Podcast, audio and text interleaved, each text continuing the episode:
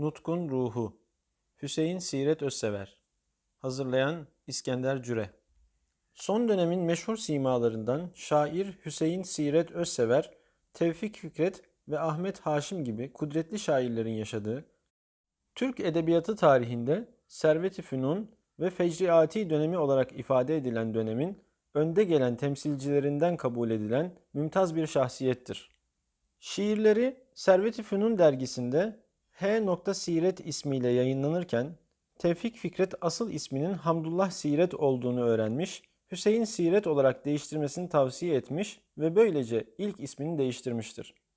Onun bazı şiirleri hayatından izler taşır ve ahir ömründe girdiği tasavvuf yolculuğu ile alakalı ipuçlarını bizlere verir. Hüseyin Siret'in en meşhur şiirlerinden biri olan ve şarkı formunda bestelendiği için mahiyeti es geçilebilen şu dizeleri esasen onun Karagümrük Cerrahi Asistanesi Şeyhi Fahrettin Efendi'ye intisap ettikten sonraki hissiyatını yansıtır. Geçti sevdalarla ömrüm, ihtiyar oldum bugün. Ak pak olmuş saçlarımla bir karar oldum bugün. Bir muhabbet neşesiyle ilk bahar oldum bugün. Ben huzurunda yer öptüm, tacdar oldum bugün. Şiirin şerhinden aciziz ancak kelime manalarına bakıldığında dahi edebi kudret kendisini açıkça gösteriyor. Ömrüm kalbi karartan beyhude sevgilerle geçti. Böylece yaşlandım, ihtiyar oldum ama irademi kullandım, mürid olmayı ihtiyar ettim. İhtiyarlığımı gösteren aklaşmış saçlarımla ne zaman anarsam seni kararım kalmaz Allah'ım diyen aşık Yunus'un da olduğu gerçek aşıkların yoluna girdim. Bu yol gerçek muhabbet yoludur. Yola giren terü taze olur, bu muhabbetin neşesiyle ilkbahar gibi açtım. Huzurda boyun eğdim, yer öptüm, kul oldum. Gerçek sultanlığın farkına vardım. Tasavvuf yoluna girişini bu dizelerle anlatan Hüseyin Siret'in yolculuğunda elbette bela ve musibetle eksik olmadı. Dervişin yakası bitten, paçası itten, başı Yezid'den kurtulmaz cümlesiyle de özetlenen bu durum, Peygamber Efendimiz sallallahu aleyhi ve sellemin hadis-i şeriflerinde de ifade buyurdukları bir hakikattir. Bir adam, ey Allah'ın Resulü ben seni gerçekten seviyorum dediğinde Efendimiz sallallahu aleyhi ve sellem o söylediğin söze dikkat et diyerek mukabelede bulunmuş. Adam üç kere aynı sözü tekrar edince Resulullah eğer beni seviyorsan fakirliğe karşı bir kalkan hazırla. Fakirliğin beni seven kimseye gelmesi selin akması gibi hızlıdır buyurmuşlardı. Yine başka bir adam ben Allah'ı seviyorum dediğinde ise o halde bela için bir elbise hazırla buyurmuşlardı. Allah ve Resulullah muhabbetinin peşinde gidilen bu yolda bela ve musibetlerin sıklığı pek tabiiydi.